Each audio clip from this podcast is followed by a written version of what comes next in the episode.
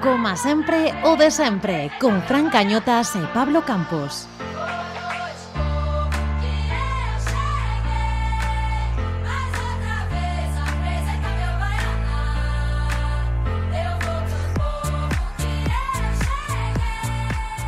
Moi boas, benvidos a este cuarto episodio do noso podcast Celeste. A nova xa sabemos todos, o empate do Celta contra o Levante, pero como foi o partido?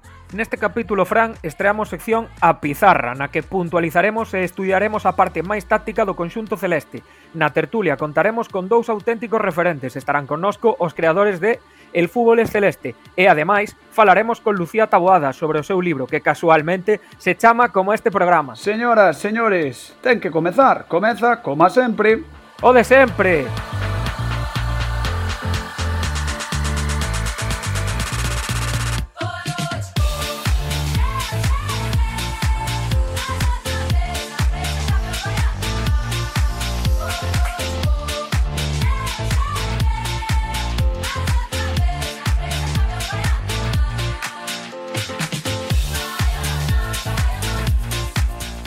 O Celta sacou un empate na súa visita ao Levante e corta unha xeira de tres derrotas consecutivas. Ademais, os de Óscar saen do descenso e quedan con seis puntiños. Iso sí, con moita, moita polémica ao final. Pois sí, Fran, nunha primeira parte bastante densa e podemos dicir que aburrida, os de Celeste tiveron que remontar o gol inicial do, do Levante por un penalti incomprensible de Nolito. Nunha boa xogada das poucas do partido, Denis puxo un centro segundo pau para que Sergio Carreira empurrase o balón ao fondo das redes. Bueno, tanto como empurrar, empurrar, segundo máximo goleador do equipo, o novo lateral dereito da canteira. O que son as cousas. Se Aspas non acerta, aínda que poucas ocasións tivo, ao Celta costalle moitísimo marcar. E si, sí, con polémica porque se puido perder se o árbitro Melero López non alula un gol ao meu ver legal de Dani Gómez. O colexiado explicou aos xogadores do Levante que Ruller se interpón na trayectoria do balón e molesta a Iván Villar no momento de parar ou interceptar ese balón. Por lo menos podemos dicir que é interpretable, non? Porque a maioría da xente sí que lle parecía gol legal. Sí, sí, total. Totalmente, ademais, bueno, na tertulia explicaremos e eh, debatiremos eh, acerca disto. Eh, A nos gusta non ser positivos, Fran, con este empate o Celta eh, acadou puntos nas súas visitas a domicilio en Eibar, Valladolid e agora Levante partidos que, que o ano pasado soía perder por costume. Imos a analizalo con calma agora nunha nova sección, a Pizarra.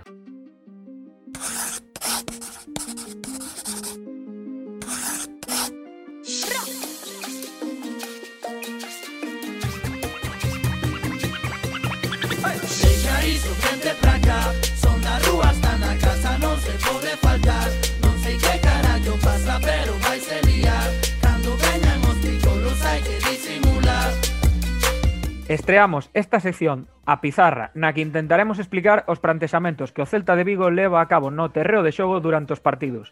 Abre a rolda Pablo Alonso, técnico deportivo nivel 3 segundo a UEFA Pro e adestrador das categorías inferiores do Rápido de Bouzas. Benvido. Hola, moi boas, que tal? Bueno, Pablo, a primeira pregunta é obrigada. Como viches o encontro fronte ao Levante? Non, non imos eh, faltar a verdade dicindo que, que foi un encontro bo porque todo o contrario. Sobre todo ese primeiro tempo onde Óscar tratou de repetir o plantexamento da semana anterior contra o Atlético de Madrid, que sí que, sí que é verdade que era un plantexamento que provocou que o equipo funcionase de boa maneira e que deixase, deixase boa imaxe pese ao resultado final, pero eh, onde o equipo non se mostrou cómodo en ningún momento. Eh, tras o partido contra o Atlético comentabas na túa conta de Twitter unha posible leñación e foi xusto que sacou Óscar eh, no estado da cerámica. Bueno, non sei se é que te leu, que crees que pretendía o míster eh, con esa formación, con cinco defensas outra vez? Pois eu, máis que nada, eh, que comentara eh, era para darlle continuidade, non? Eh, se algo non se lle reconoce ao Celta últimamente é un once tipo sobre o que construir, non? Eh, eu sei que imaginaba que Óscar pois iba a tratar de dar continuidade as boas sensacións contra o Atlético de Madrid si ven o sistema de tres centrais eh, non é un sistema que en resultados lle estea dando bo resultado, pues, eh, valga a redundancia, porque, eh, se non me equivoco, é un sistema co, co que o equipo, dende que chegou Óscar, todavía non conseguiu a vitoria en ningún partido, dos sete, se non me equivoco, ou oito que xogou, Uh -huh. pero sí que trataba eso de, de continuar e de tratar de, de establecer un patrón de xogo co que o equipo se sentise cómodo e crecer a partir de aí. Uh -huh. Quizáis máis que a defensa de 5, algo que xa estamos acostumados eh, dende a temporada pasada. Sorprendeu esa posición, teórica posición de Nolito no centro do campo e vai a partidiño. Quitando o tema do penalti, eh, eu creo que estivo bastante desacertado e bastante perdido nese teórico medio, de camp medio do campo xunto a Denis Suárez e a Renato Tapia. Sí, a parte de, de sistema e de plantexamentos tácticos, eh, onte tamén coincidiu que Nolito, que quizá foi o máis vistoso de todos, pero tamén outras pezas eh, clave pois non estiveron ao seu mellor nivel. Eh, controles que seguían largos, ese pase que en vez por diante e por detrás eh, permitía que o rival pois eh, fixese un repliegue máis máis rápido e eh, sobre todo nese primeiro tempo sí que se viu eh, había moitos errores non forzados que dirían no, no tenis que, que, que prejudicaban o, o equipo. E despois tamén está o tema do centro do campo, non? Porque as costas de Tapia, unha vez que o Levante superaba a súa presión, esa liña, encontraba ocos moi fácil, non? Parecía que era, que era el o derradeiro muro de contención cara á portería de Iván Villar. Sí, sí, aí o equipo creo que botou en falta a figura pois de Fran Beltrán, que contra o Atlético sí que fixera un moi bo un moi bo traballo nese, nese sentido de, de axudar a, Renato e tamén de dar, de dar saída ao equipo e tamén o que dixen antes de, de errores non forzados tamén pode ser provocado por ese traballo extra o que se lle sometía tanto a Nolito como a Denis de ter que facer moitos kilómetros descubrir moito campo e logo faltar faltar de frescura a hora de, de xogar. Igual non é tan só un tema de sistema, non un tema táctico, sino tamén un tema físico do, do, do propio plantel. Sí, sí, pode, pode ser. Eh, pode ser que, que o, o físico dos, dos xogadores, a preparación que teñen e tamén xa non a preparación, senón as características dos xogadores para o que pretende Óscar a, a hora de, de, de cubrir moito campo, de recorrer moito espacio, de, defender hacia, hacia adiante que logo se se superan tes que volver que, que por característica dos xogadores lles, lles custe un, un pouco máis non? Pero pero sí que mm, sigo pensando que este sistema de onte e a maneira de, de xogar a maneira de afrontar o partido é a que mellor nos pode nos pode vir. É unha alineación que intenta suplir un pouco a falta dun, dun 9? Pois non sei se a falta dun 9, pero sí que trata de suplir a falta de, de extremos sen dúbida. Eh, eu, aínda que, que a Santi eh, pareceme que contra o Atlético fixo un bo partido e onte tamén fixo un bo traballo lonxe do área que é o, o máis preocupante que acaba o partido de onte con, con cero remates o teu, o teu dianteiro centro um, sí que creo que o equipo eh, bota en falta a figura dun 9 pois como puido ser eh, la Ribey que para min é, é o exemplo perfecto a hora de superar a, a presión rival, porque eu polo, polo visto nestas primeiras xornadas, eh, polo, eh, atendendo os partidos que, que dominou o equipo pudo ser o Valencia, pudo ser o Atlético de Madrid, foron equipos que non presionaron alto e que permitiron esa, esa saída de balón, ese primeiro pase, ese conectar coa liña de tres cuartos contra equipos como Levante onte que fixo unha moi boa presión, sobre todo no primeiro tempo eh, e outros equipos, os Asuna, por exemplo sí que custa máis e falta ese plan B de buscar eh, unha, unha referencia un día inteiro que permita eh, baixar balón eh, e xirar o equipo totalmente, xogar a espalda dos mediocentros rivais e montar o ataque co equipo rival descoordinado. Sí que voto de men, sí que voto en falta esa pía. De, eh, de, de, outro día escoitaba na retransmisión onte na tele eh, que se Aspas ten que baixar tanto abaixo, malo para o Celta. Malo porque obviamente perde pezas arriba, é malo porque ten que comezar a construir dende, dende moi atrás, non? Sí, sí, sen dúbida. Eh, para mí todo que se xa ter Iago lonxe da, do área rival eh, é malo, eh, o equipo resíntese nese sentido. Por moito que Iago teña moitísima claridade, pero para min Iago ten que ter claridade a 20, 30 metros da portería rival. Non pode ter claridade a 60 metros, que aí son outros xogadores os que teñen que dar o paso e asumir esa claridade. Outros xogadores, como por exemplo, pode ser Denis que onte sí que o primeiro tempo sí que me dixo, analiza, sí que imaginaba e sí que estaba esperanzado cando vin a alineación, eh, e por eso puxen na miña alineación que que pensaba que poría Óscar, sí que imaginaba que iba a dar un paso un paso adiante eh, e coller máis responsabilidade pois na saída de balón eh, e a hora de descargar o equipo un pouco. Eh, en Remor non ten non ten sitio ne, neste 11, quizáis igual, non sei, eu preguntábame onte un xogador que, que, que eso, que xogaba os primeiros partidos e que parece que foi desaparecendo da, dos 11 titulares, eu creo que, bueno, non sei, de, podría xogar nese posto, por exemplo, por, por Nolito. Sí, bueno, en, en Remors quizás sea un quizás sea o... Bueno, xa dicía Aspas que tapaba menos cun, cun tanga. tanga entón, sí. entendo que por aí van por aí van os tiros de, de, de por que non xoga tanto como debería. Sí, eh, probablemente tamén este sistema sen dúbida lle, lle prexudica porque ao final eh, o sitio de Enre neste sistema podría ser o sitio de Iago eh, obviamente non hai non hai vara de medir nesa, nesa comparación, non, non existe. Eh, se falamos un pouco eh, da canteira, non sei que nos tens que dicir de dos xogadores como Fontán, eh, o propio Gabri Veiga, eh, Carreira, Miguel e demais que eh, levamos dicindo varias semanas que van collendo peso, van collendo tamén poso na, na primeira división eh, están contando con, con moitos minutos. Sí, eu como, como apasionado da canteira que son e como seguidor das categorías inferiores eh, e sempre que, que podo pasarme pola Madroa ou por Barreiro, a min que ver o rendimento que están dando, pois a min enorgullece, non? Eh, debería enorgullecer a todo o mundo, xa sen entrar en outros temas que sí que poden ser motivo de, de discusión, non? A, por exemplo, José Fontán teme, teme entusiasmado, eh, onde hai unha xogada que fai unha saída de balón, eh, dá un pase perpendicular que lle corta o levante, ten un erro, a seguinte xogada que, que pode participar fai unha anticipación, unha conducción e dá un pase a Norito eh, na frontal da área, o sea, ter esa, esa valentía, ter esa para sobreponer, sobrepoñerte a un erro di moito de, de Fontán, non?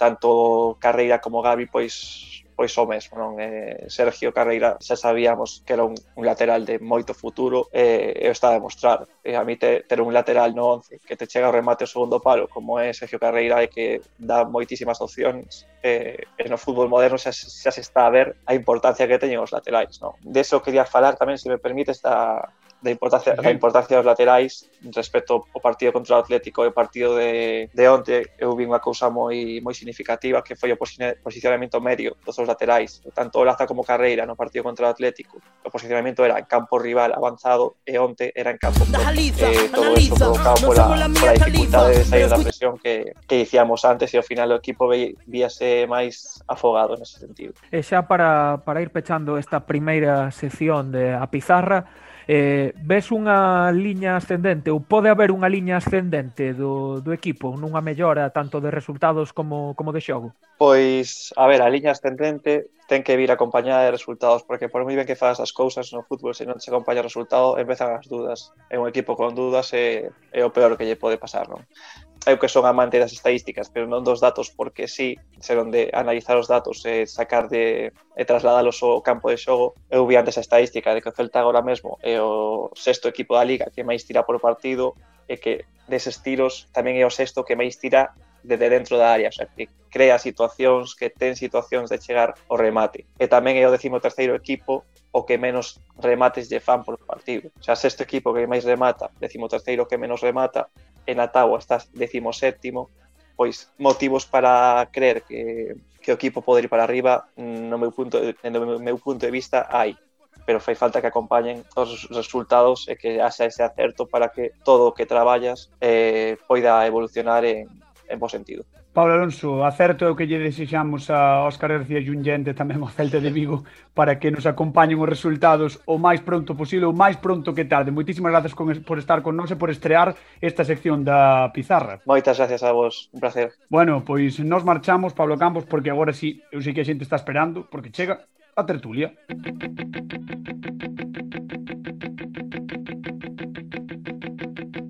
And they want us to grow up.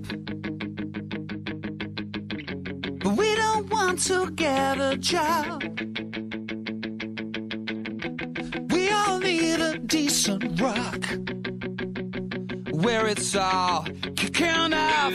Baby, it's alright. Baby, it's alright.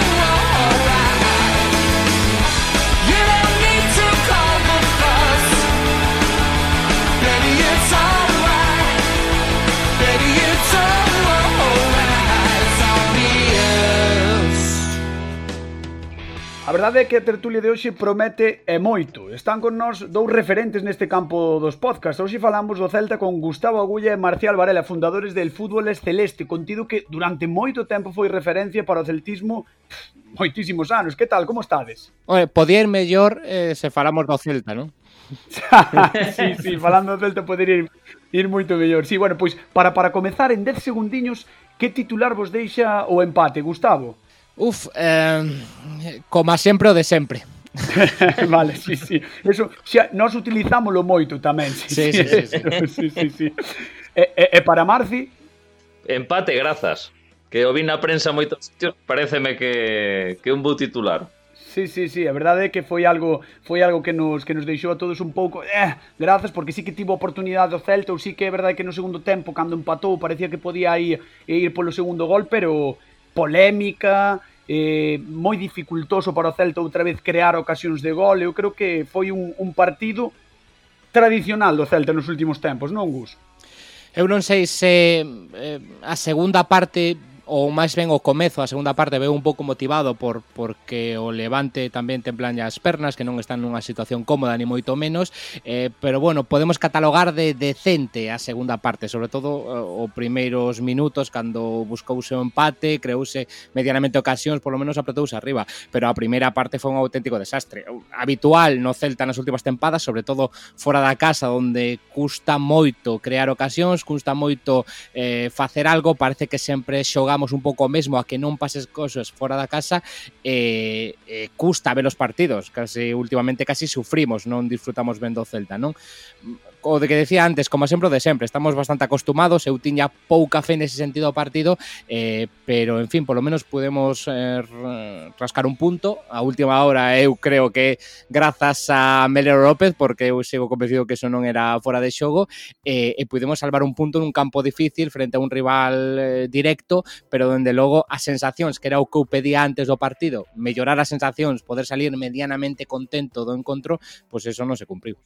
Sí, sí, eh, eso, iso é o que íamos falar agora, o tema desta, desta última polémica eh, no partido contra o Levante, unhas veces o que os árbitros che quitan, como o día da, do Valladolid con ese penalti inexistente, parece que, que o compensan ou o dan hoxe con este fora de xogo que para min tamén, como dicías, eh, dudoso ou incluso inexistente.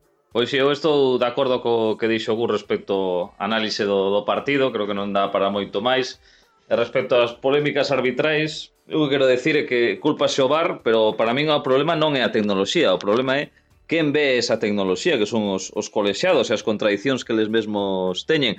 Eu creo que incluso os propios árbitros agora cambiaron un pouco a súa forma de, de pensar, porque tamén saben que si se trabucan teñen un plan B, digamos, teñen alguén que es vai salvar de quedar mal. Entón, estamos vendo uns arbitraxes bastante dubitativos, pasa tamén cos, cos foras de xogo, E ao final a polémica, en vez de desaparecer, está aumentando, pero bueno, en esta ocasión polo menos favorece o, o Celta. eu o, o que están dicindo moitos comentaristas, exxogadores, que eu creo que viría ben para o tema do bar meter a xente que xogase no fútbol, exfutbolistas ou exadestradores ou xente en activo, un pouco para que non sexen só os trencillas os que tomen as decisións, senón tamén xente que, que está no mundo do fútbol, porque a veces pitarse cada cousa de penalti por un agarrón ou unha man que é un ridículo. Pero bueno, é o que estamos no fútbol, que a veces castígase máis agora a protesta que unha patada.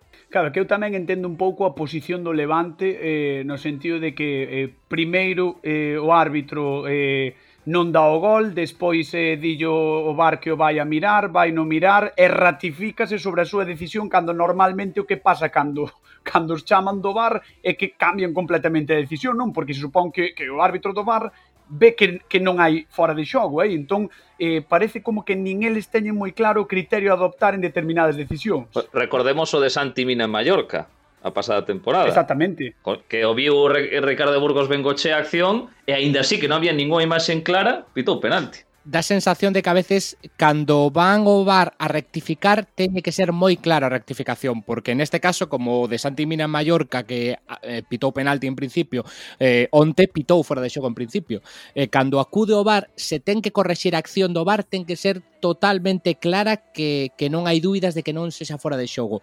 Eu interpreto, eh, o que eu interpreto, porque esta é outra cousa do bar, que hai que darlle unha volta en algunha explicación, non viría mal en determinados casos, eu interpreto que o árbitro pode asumir que mm, pode ser que Murillo eh, despexe porque ten un xogador detrás ou que no derradeira repetición podía chegar a pensar que o balón eh, podía molestar algo a, a Iván, eh, pero pero para mí non hai, o sea, simplemente por lógica, por, por mirar un pouco o fútbol, por xogar un fútbol que penso que todos aquí xogamos polo menos a, a un mínimo nivel que podemos demostrar, pero eh, dá sensación de que eso, cando teñen que corrixir a decisión do árbitro, neste caso o xoz de línea eh, pitou fora de xogo, ten que ser claro, e se teñen a máis mínima dúbida, como de onte, ou o de Mallorca, a máis mínima repetición donde poida parecer que hai un lixeiro roce, que eso sí xa imposible que se xa fora de xogo, o penalti o de Santimina, eh, non rectifican, e a min, dende logo, acaban creando máis polémica, acaban creando máis dúbidas e, e o que decimos sempre é que non pode ser que podas velo na tele e teñas fallos para min flagrantes como eh, este, como outros días tocarán al revés, non non hai unha conspiración xudomasónica, pero dende logo a min o de onte, tirando de lógica, non me pode parecer fora xogo nunca. Te, tedes a, a sensación de que hai falta de explicación por parte do colectivo arbitral, é dicir, que hai cousas que habería que ter unha explicación oficial, é dicir, que, que salise quen fose e dicir, pois mira, isto fixos así, porque así, porque así, porque así, e non que saian sempre os xornalistas que están máis vinculados aos árbitros a contalo como se fose algo real, cando en realidade non é unha non é unha historia oficial, non dos árbitros. O que pasa que o, o colectivo arbitral é moi proteccionista, é casi como unha secta, digamos, en, entre comillas, que dá moi pouco a cara, pois pouquísimo, e cando sabe que es Carlos Velasco Carballo, presidente do Comité Técnico de Árbitros, sempre en defensa, prácticamente non recoñece nada, incluso sempre fan esos balances de finais de temporada e hai mou porcentaxes, non, de acerto. Claro, e, e os erros son pouquísimos os que os que les detectan como que son claros. Entón, é que non espero moito do colectivo arbitral, xa digo, son un colectivo sempre moi oscuro, con sempre hai moita polémica cos ascensos e os descensos, porque sempre hai un criterio territorial que ten que prevalecer e non o nivel do, do colexiado en sí. En fin, non teño aí moita esperanza e o que dicías ti, que agora teñen voceiros, como pode ser Isaac Fouto da COPE, por exemplo, que se actúan por eles. O sea, non, non necesitan non, non máis defensa. Nome, non quería dicir o nome, pero xo dixetes sí. ti, non pasa nada.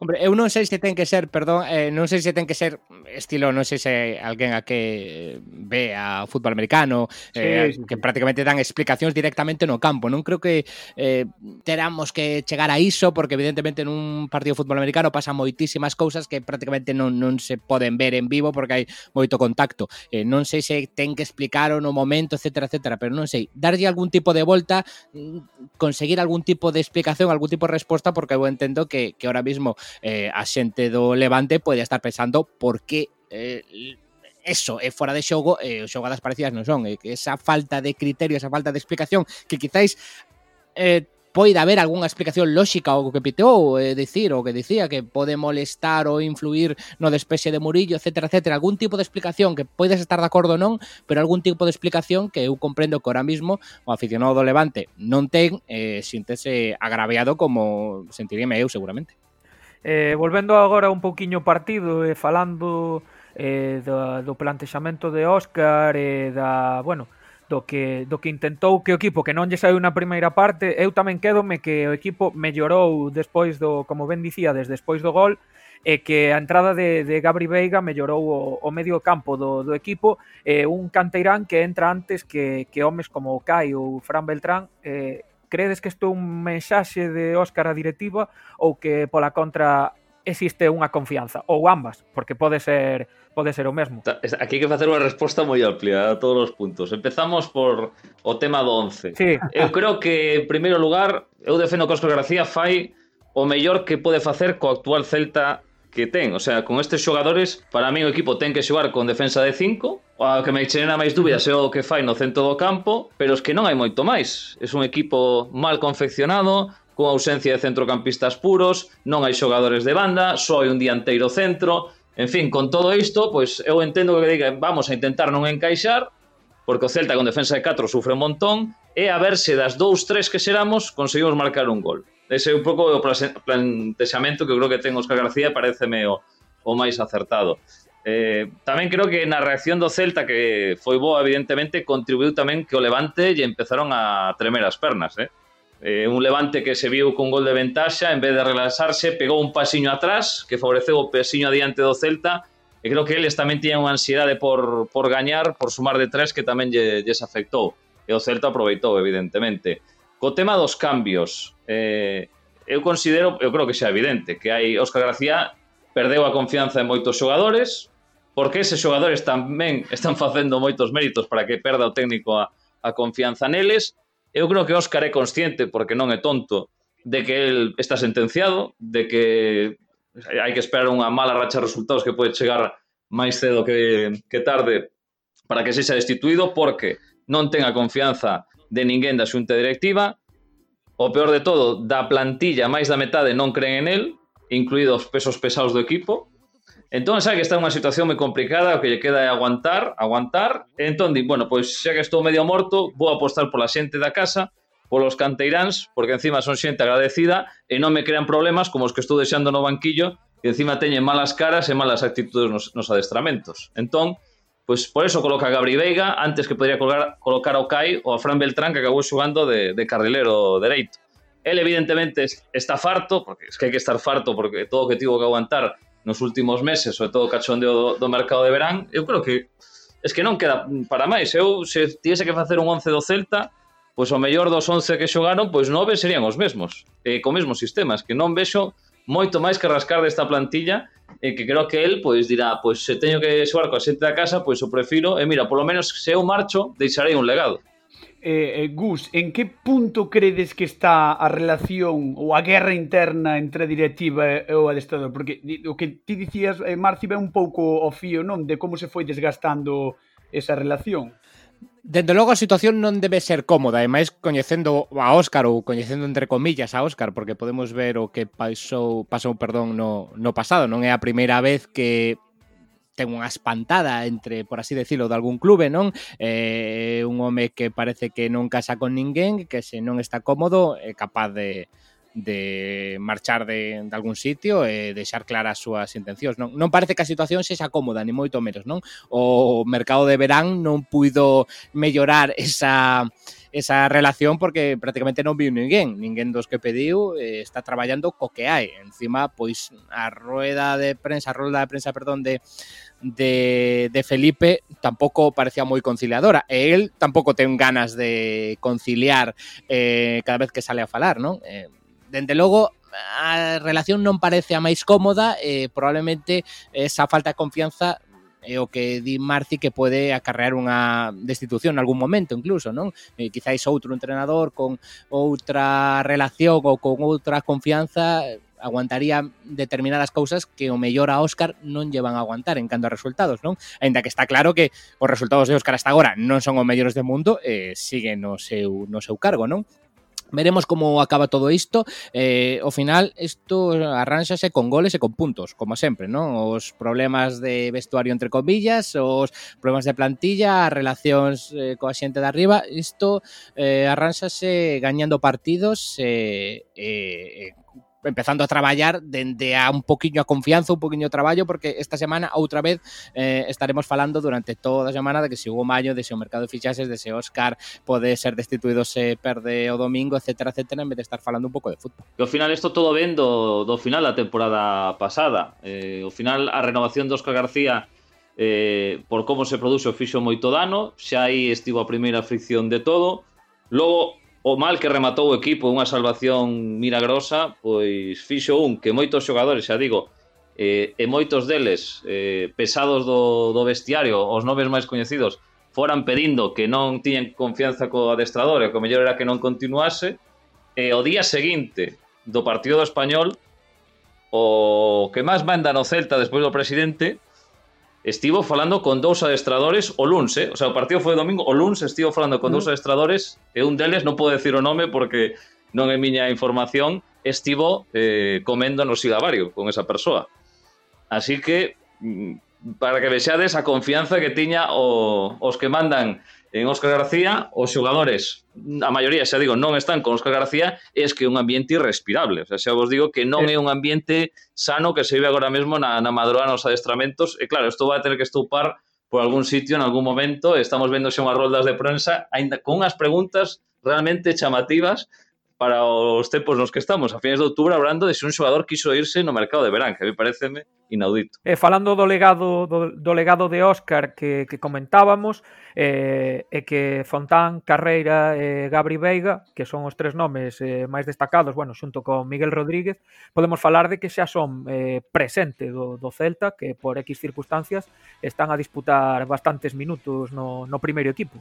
E sobre todo non desentonan, non? Estamos vendo un sí. Fontán que nem moito menos parece peor central que calquera que haya xogado esta tempada ou a pasada inclusive, eh, Carreira que é certo polas circunstancias, eh, adáptase bastante mellor ao posto de carrileiro co posto de lateral, é un xogador que eu teño moitísima fe, que, que xa en Xuvenís era un xogador que, que encantábame, que prácticamente subía a ver o Xuvenís prácticamente por, por ver a Carreira, eh, pero é certo que custoulle segunda B, ao final é un salto bastante importante de división de honra a segunda B, eh, bueno, custoulle un pouco mentalmente, físicamente, etcétera, etcétera, vai crecendo e eh, dende esa posición de carrilero pode funcionar bastante ben, ese gol de onte pode darlle moita confianza. E logo un tipo como Gabriel Veiga, que o dito, que fai apenas dous anos non xogaba no juvenil e agora está xogando en primeira división e non está desentonando, o dito. Eu non sei se debería xogar antes que Baeza, antes que Okai, antes que outro, pero dende logo non penso que os outros deben xogar antes que el, non sei se me explico, quero decir, non sei se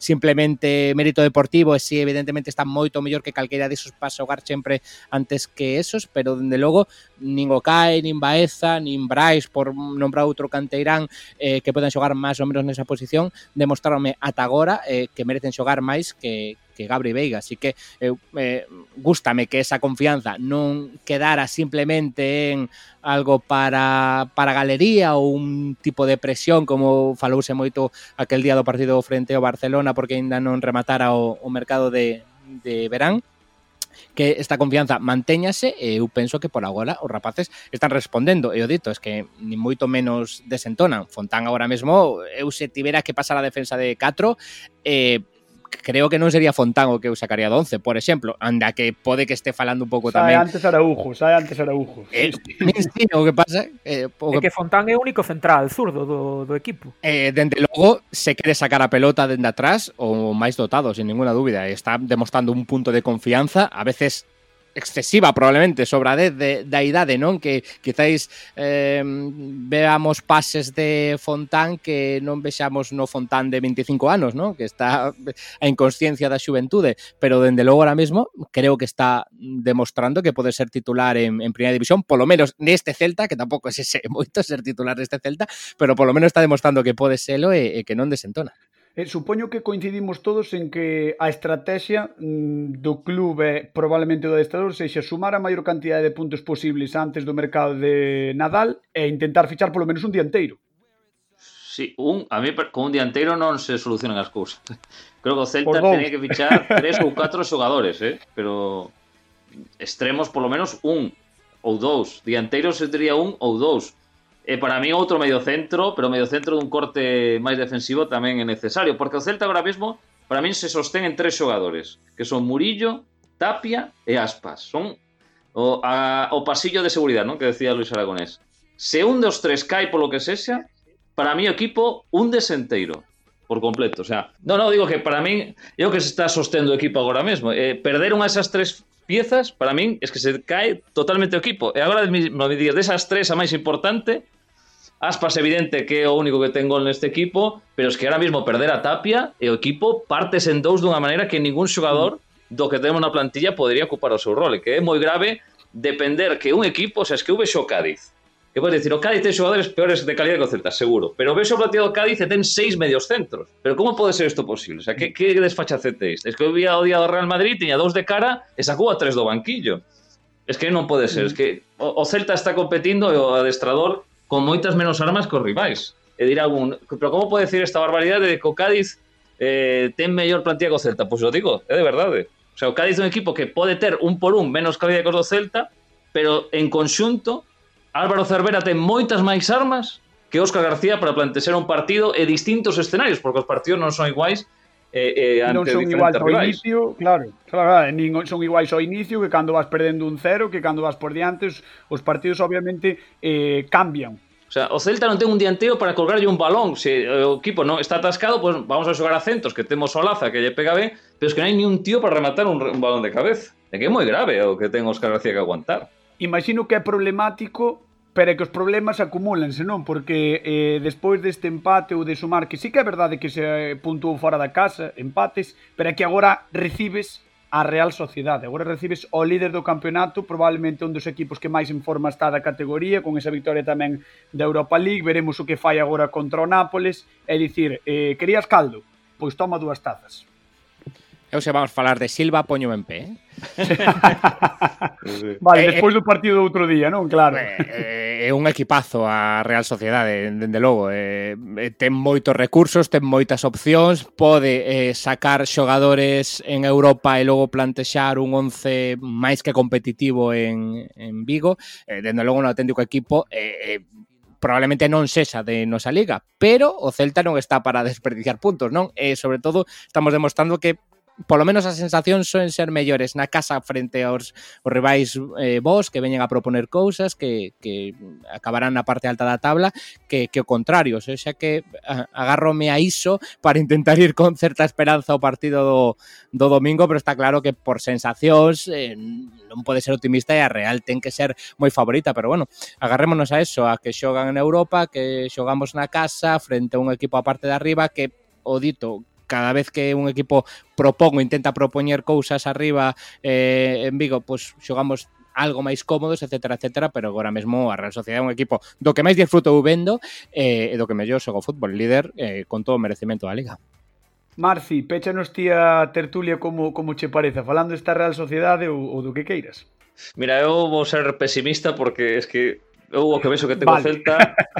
Mira, eu es que estaba a punto de apostalo de que de verdade, eu eh, creo que o Celta ten que intentar chegar a Xaneiro para ese mercado que hai que reforzar mínimo con 15 puntos. Temos 6, quedan dous meses por diante. E digo, digo vos sinceramente os tres que vexo difícil que o Celta sume 9 no que queda de campeonato deste ano. Eh? O sea que eu vexo realmente negro futuro. O que digo se é certo, creo que o estilo da Real Sociedade ben nos ben para, para intentar eh, aspirar a algo, pero es que claro, ao final o Celta leva 4 goles en 7 partidos, 3 do mesmo xogador, 2 foron a balón parado, e o cuarto golo meteu un carrileiro dereito da canteira que leva o seu segundo partido, que son datos moi graves, o sea, o equipo ten unha sangría de falta de gol tremenda e eso únese que, aínda que estés defendendo con 5 atrás, ao final o normal é que o Celta lle marque un gol, polo menos. É dicir, que vexo o equipo que ve, ve, non vexo evolución, porque ao final dependemos de e se chega o mellor Brais, e se chega o mellor Denis, e se volve non sei que, Sea, vivimos das ilusións.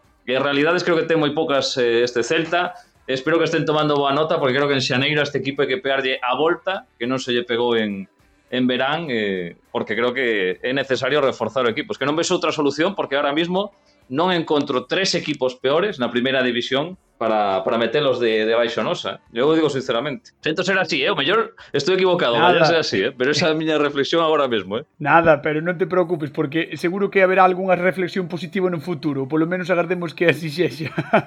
Marci, Gustavo, moitísimas grazas aos dous por pasar por, como sempre, o de sempre. Nada, cando que irades, esta é a vosa casa, xa que agora non facedes podcast, cando que irades, podedes vir ao noso. Moitísimas grazas aos dous. Nada, vos. Un placer, Fran e Pablo, e moita sorte nesta aventura. Nada, intentaremos que todo vaya o mellor posible. Moitísimas grazas. Nos marchamos, marchamos correndo Pablo Campos porque imos á zona mixta.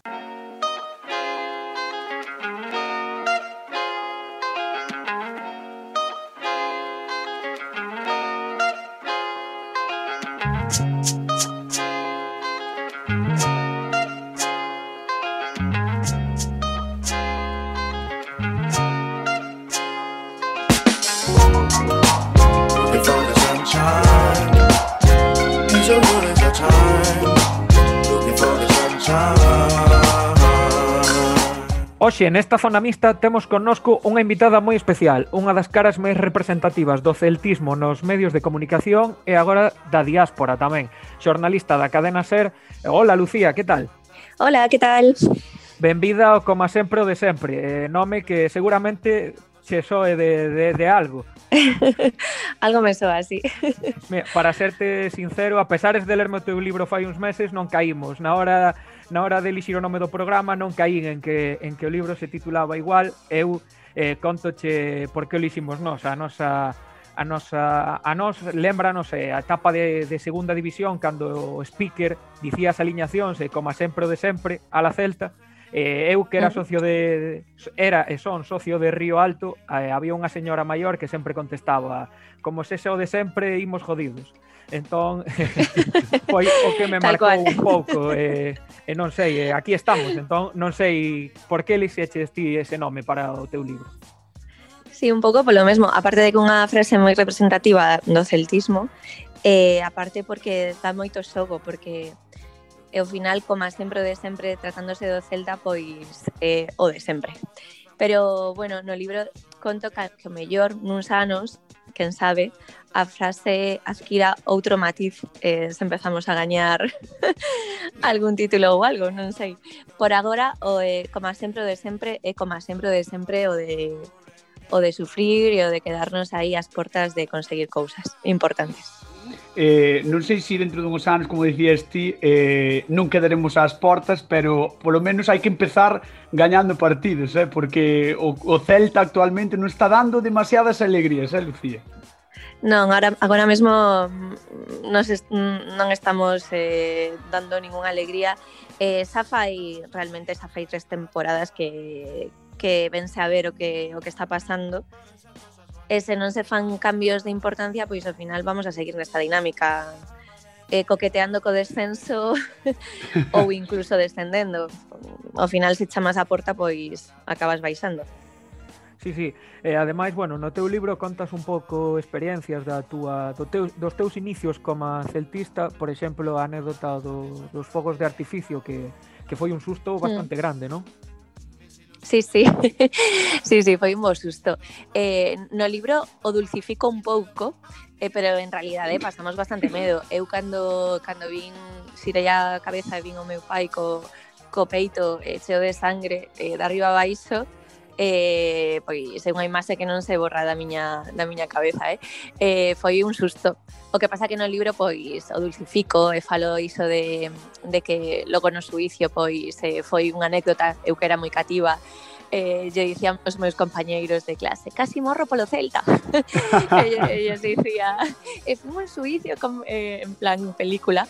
Eh, pois, claro, eu ao recordo agora mesmo como algo incluso te, eh, emocionante, cando en realidade eh, pois foi un susto importante. Eh, tivemos sorte porque eh, o fogo non, non deu de cheo na grada, pero se chega a dar de cheo, pois igual e, u, u, igual, eh, igual algunha víctima un pouco máis seria eh, pois tibera pasado, a verdade. Quedou nun susto, eh, penso que dende, dende ese susto se cambiou a normativa de non poder tirar eh, os fogos de artificio dentro do estadio, dentro de estadios, porque a, a tantón se podía, que era unha mm. cousa que non tiña ninguna lógica. Eh, e, bueno, logo está a anécdota de que no hospital pois eh, nos atopamos con Horacio Gómez e nos dixo eso de ai, os vou levar eh, a Madroa a un pase cos xogadores, que nunca nunca nos chamou. nunca entón, foi. Entón, entón no libro, eh, con meu primer gran... Eh, a, mi, a miña primeira chamada que nunca chegou foi con Horacio Gómez, que é unha cousa que, bueno, que non é moi moi digna de contar, pero... De, to, pero de, tolos, de todos os xeitos, agora podíate chamar para ir probar os viños, non? Que ten un, un montón de viñedos aí con Regina Viario, a mellor casi che sí, sí. a mellor que ir a Madroa tal como están as cousas. Sí. E o gracioso da historia é que estiven nunha boda no, na súa bodega fai uns anos ah. e, e dixen, fíxate ti por donde Sí, sí. que estou aquí tomándome un vino da bodega de Horacio Gómez. Pero... bueno, non creo que se acordase de ti, se si eras nena, se te vía por ali. No, no, no, non no se acordaba. Olvidouse de mí a mañá seguinte seguro. Por, porque... Probablemente, en canto deixou de aparecer o tema nos medios seguramente se olvidase. Supoño que, sí, que sí, cada un sí. ten as súas vivencias, non? Eh, con respecto ao Celta, pero non sei se ti intentaches eh, no libro que o celtismo tamén se vise reflectido un pouco. Sí, sí, claro, eu intentei mm, facer un libro un pouco xeracional, da miña xeración, no? de desde Celta, eu vivín o mellor Celta cando era cando era cativa e cando era adolescente. Ese Celta dos 90 e dos anos 2000. Eh, eh, a xente que me ha escrito que, que leu o libro eh, di que é un libro que se xenera nostalgia por, por ese Celta por ese Celta que, que bueno, que marcou totalmente a miña infancia e a miña vida eh, a miña adolescencia. O problema é que, claro, me acostumbrei a un Celta moi poderoso e, sea, e logo, pois, eh, cando crecín, pois, eh, pois a viví, viví os anos que, en segunda, que foron bastante duros, sobre todo porque non estaba en Vigo, estaba xa fora de Vigo. eh, seguir os partidos eh, naquela época na que non había Movistar Plus eh, conectado ao teu móvil, pois non era fácil.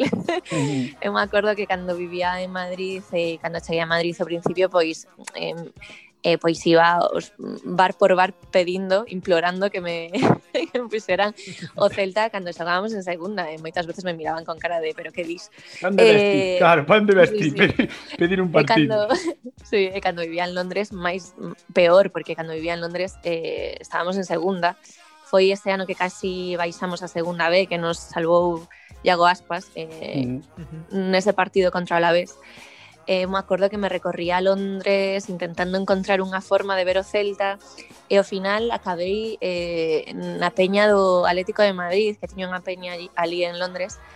Eh, me puseron un par de partidos pero porque es, din unha pena eh, inmensa ¿eh?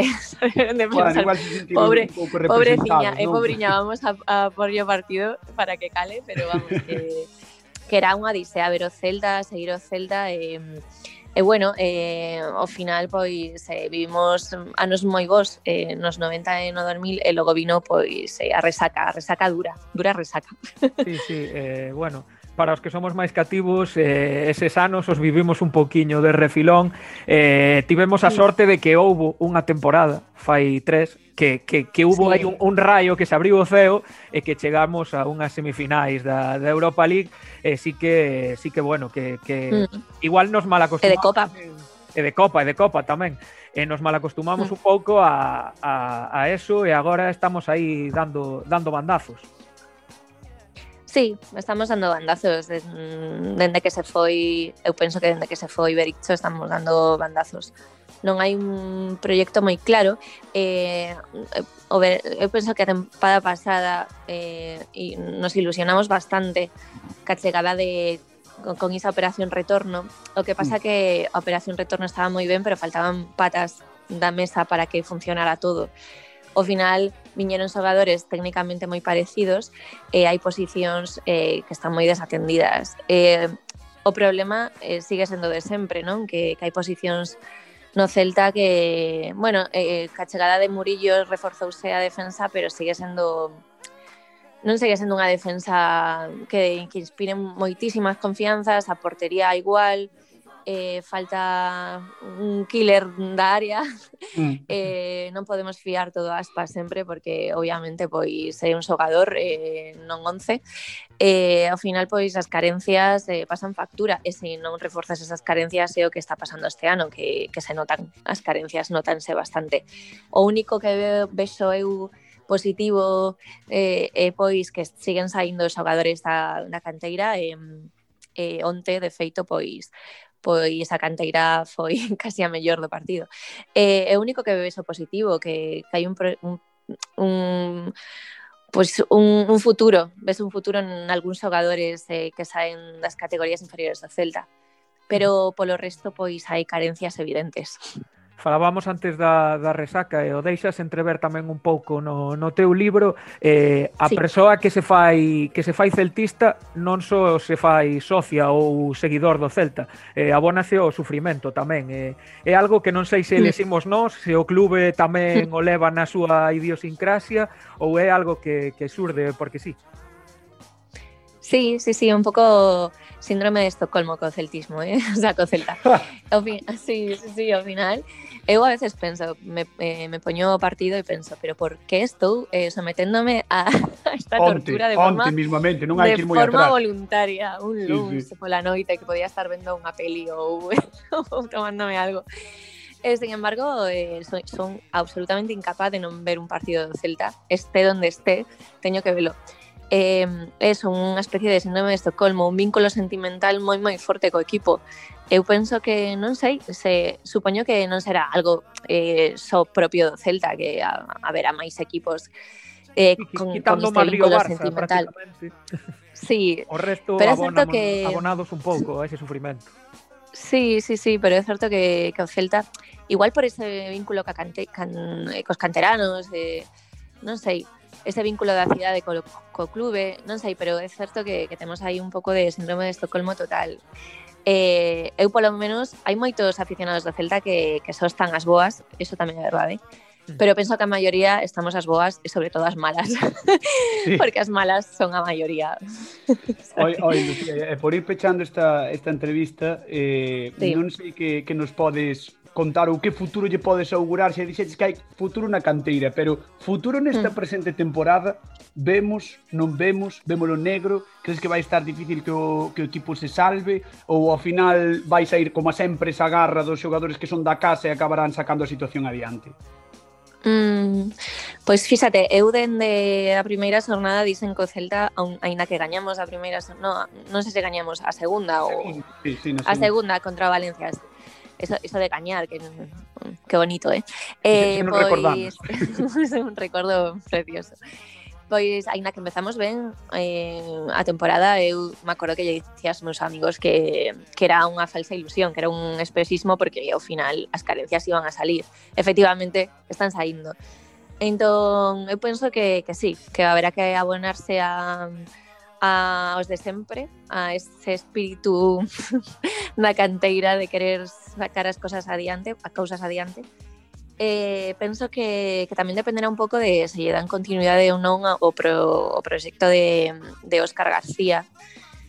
Agora mesmo eu penso que sería un erro sustituir o entrenador porque penso que non cambiaría nada porque os mimbres están, siguen, seguirán sendo os mesmos E, bueno, eh, dado que no mercado de, de verán pois non reforzouse nada, eh, casi nada, pois haberá tamén que que soñar co, co verano de inverno. Como a ver que pasa, o ano pasado viño Murillo, esa Murillo en eh, Smolov, hubo aí vos fichases, pois al, o mellor este año este ano temos a sorte de que volva a pasar. Non o sei, eu a verdade é que non, soy, non son ahora mismo moi optimista co Celta esta temporada, eh, pero bueno, eh, non perdamos a fe porque ao final tampouco mm, eh, tampouco a a temporada pasada eh, prometía ser a, eh, a mellor na segunda volta e ao final pois nos mantuvimos a base de, de tirar de aspas como sempre e de un pouco de garra en certos tramos da temporada, non ao final evidentemente. Entón, bueno, vamos a confiar que todavía queda moita liga, pero así a priori eh, boas sensacións creo que non temos eh, nadie no Celta e sobre todo penso que notase certo eh, certo desánimo, non? É certo como no como que verdade, sí. Sí, non hai non hai ilusión ningunha e ao final eso se nota moito. Eh, eu sabes os partidos sen, sen ninguna expectativa de, mm. de esperarme nada glorioso. Se a uh -huh. final se, se gañamos, pois é unha grata sorpresa, porque dende logo non é a miña previsión inicial cando me poño un partido do Celta. entón, bueno, eh, é certo que noto que están os ánimos un pouco baixos, eh, penso que está moral baixiña. Entón, bueno, a ver, a ver como se desarrolla os seguintes partidos. Certo que isto de puntuar, máis ou menos puntuar, eh, cos equipos da baixo, pois é bo, mm, estamos puntuando cos equipos da baixo, aínda que sobre non... Sobre todo fora, sobre todo fora, que justamente... Sobre todo fora. Necesitamos eh, necesitamos urgentemente gol. Eh, evidente que necesitamos que nun partido marcar dous, tres goles eh, volver a recuperar esa sensación de, de, tirar a porta, de marcar algo, porque agora mesmo hai unha sensación de, de falta de gol absoluta eh, e así é moi difícil gañar os partidos, evidentemente. Para gañar un partido, aparentemente, hai que marcar. Sí, aparentemente, básicamente, non hai que marcar. non aparentemente. Sí, sí. Eso Lucía, din as malas linguas. Lucía Taboada, moitísimas grazas por, por pasar polo noso podcast que casualmente se chama igual que, que o teu libro e esperemos que contra a Real Sociedade non pase como sempre de sempre. Un nombre precioso do podcast, eh? Tamén. pois sí, esperemos, esperemos. Moitísimas gracias, Lucía, un placer. De nada, un placer. Ata logo.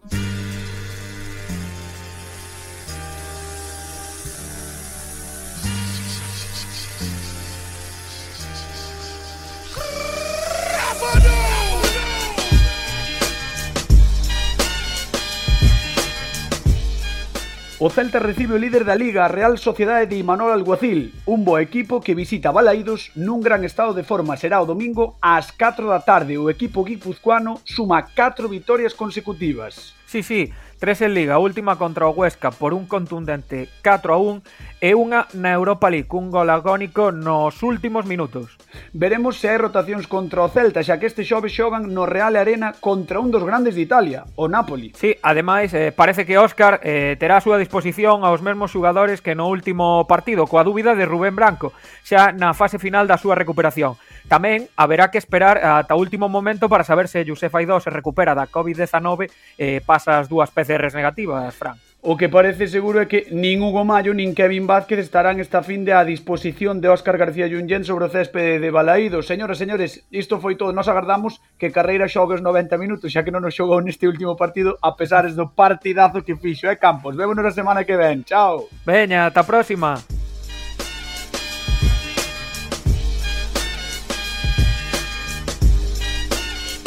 Coma sempre o de sempre, con Fran Cañotas e Pablo Campos.